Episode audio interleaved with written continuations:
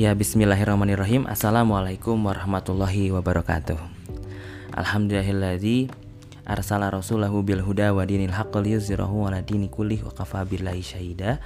Asyhadu an la ilaha illallah wahdahu la syarikalah wa asyhadu anna muhammadan abduhu wa rasuluhu la nabiyya wa la rasula ba'da Rabbi syrah li sadari wa yassir li amri 'uqdatam min lisani yafqahu. Ya teman-teman semuanya alhamdulillah pada kesempatan kali ini kita bisa bersilaturahmi lagi atas taufik dan rahmat dan hidayah yang Allah uh, berikan kepada kita semuanya.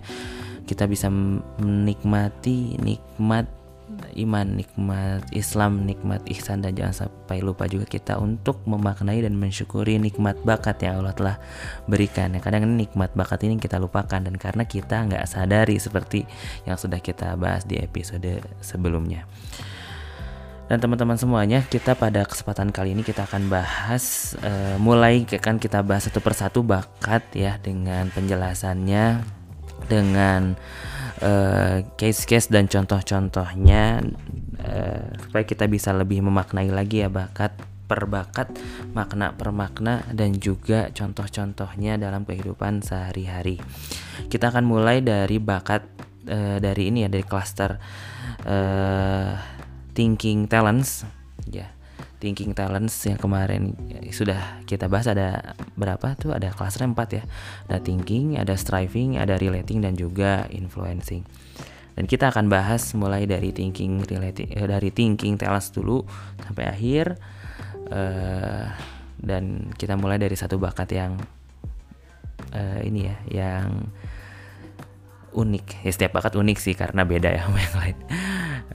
Yaitu bakat futuristik. Mari kita bahas langsung topik kita kali ini. Baik teman-teman semuanya, uh, kita coba dari Devi, kita mulai coba kita coba mulai agak belibet ya. Kita coba mulai dari definisinya dulu dan ini mulai bisa self assessment ya. Teman-teman coba bayangkan teman-teman orang yang seperti ini apa enggak.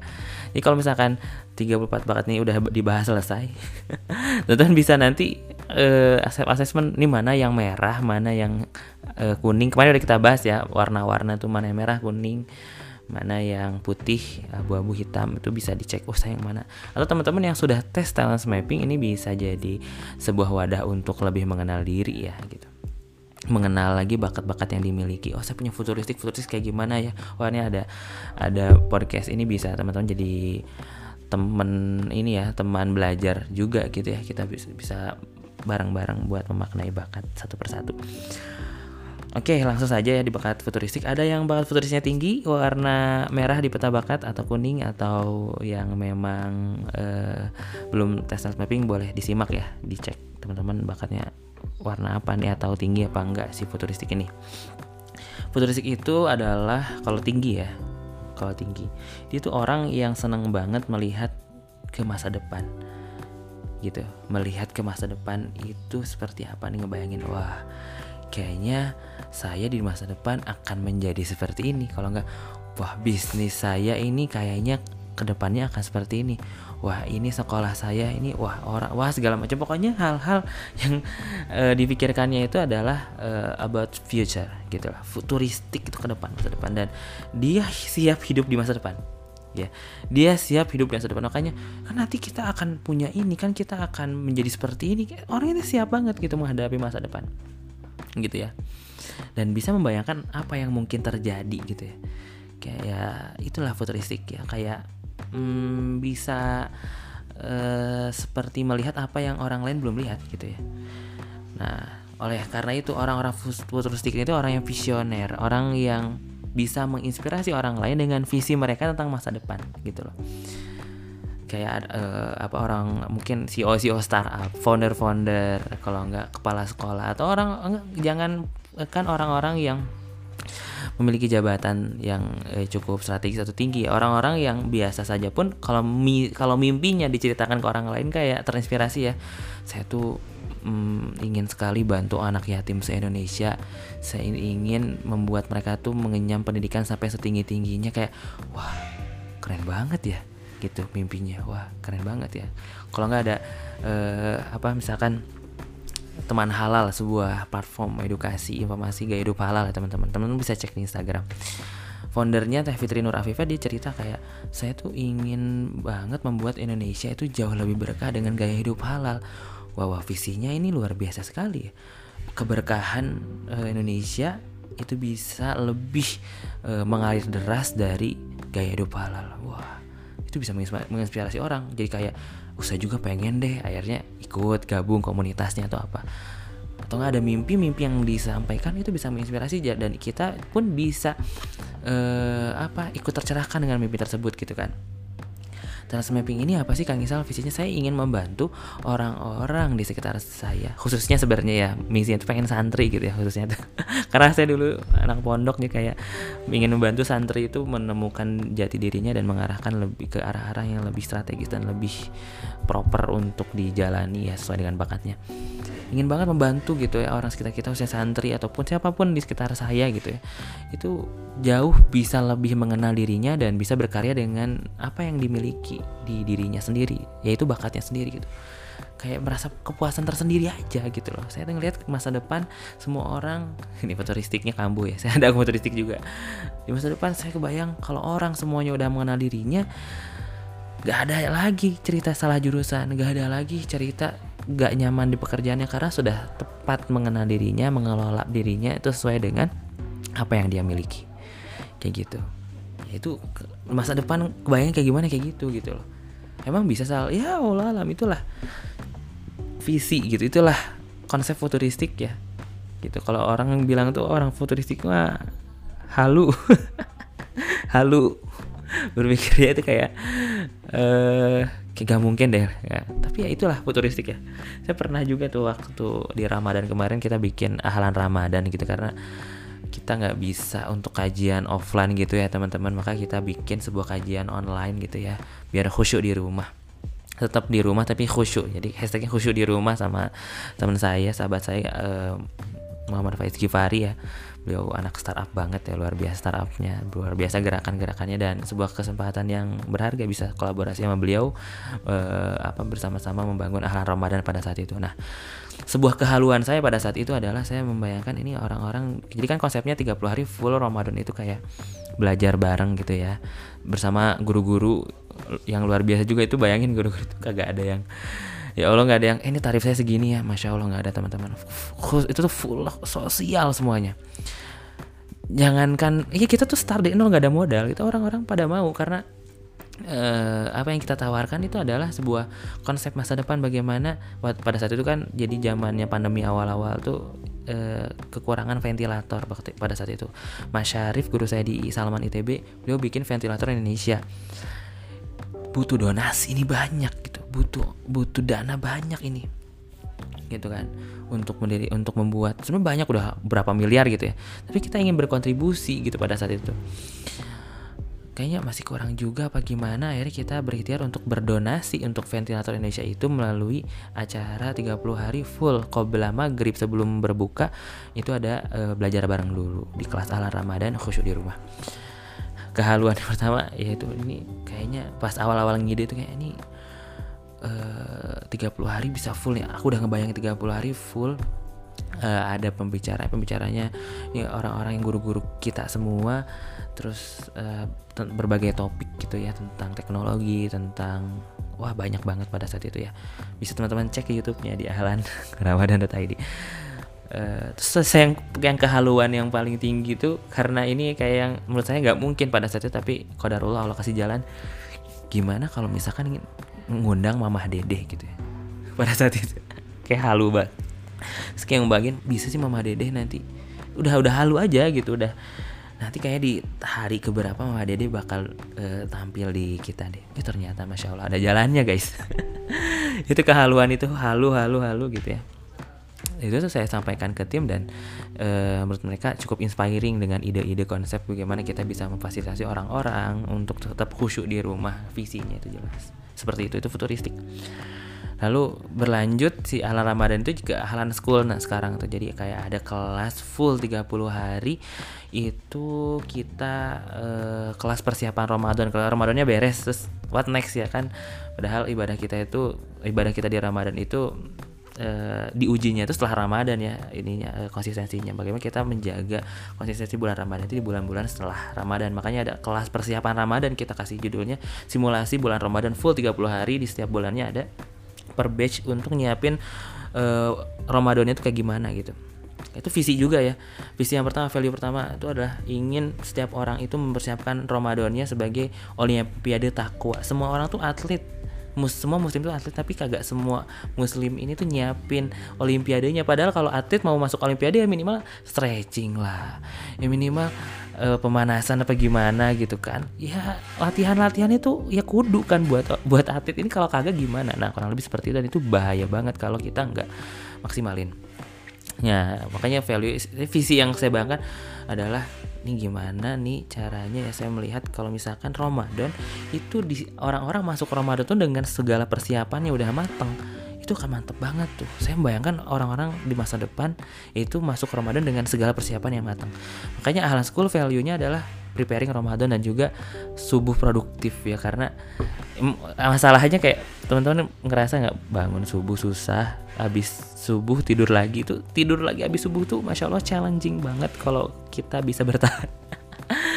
Dan saya ngebayangin gitu ya ini ke depannya ini kalau semua orang tidak tidur lagi habis subuh produktif subuhnya ini bisa jadi tanda-tanda kejayaan Islam itu dari sini. Wah terlalu halu ya futuristik sekali. Tapi itulah yang saya, saya pikirkan gitu ya. Jadi dua value itu. Nah itu contoh-contoh aja aja teman-teman ya dengan konsep futuristik bagaimana uh, orang itu sebenarnya bisa membayangkan apa yang akan terjadi di masa depan gitu ya. Makanya dia tuh imajinatif orang futuristik tuh imajinatif. Terus secara alami bisa membayangkan bagaimana masa depan tuh terwujud tuh. Wah gimana gitu.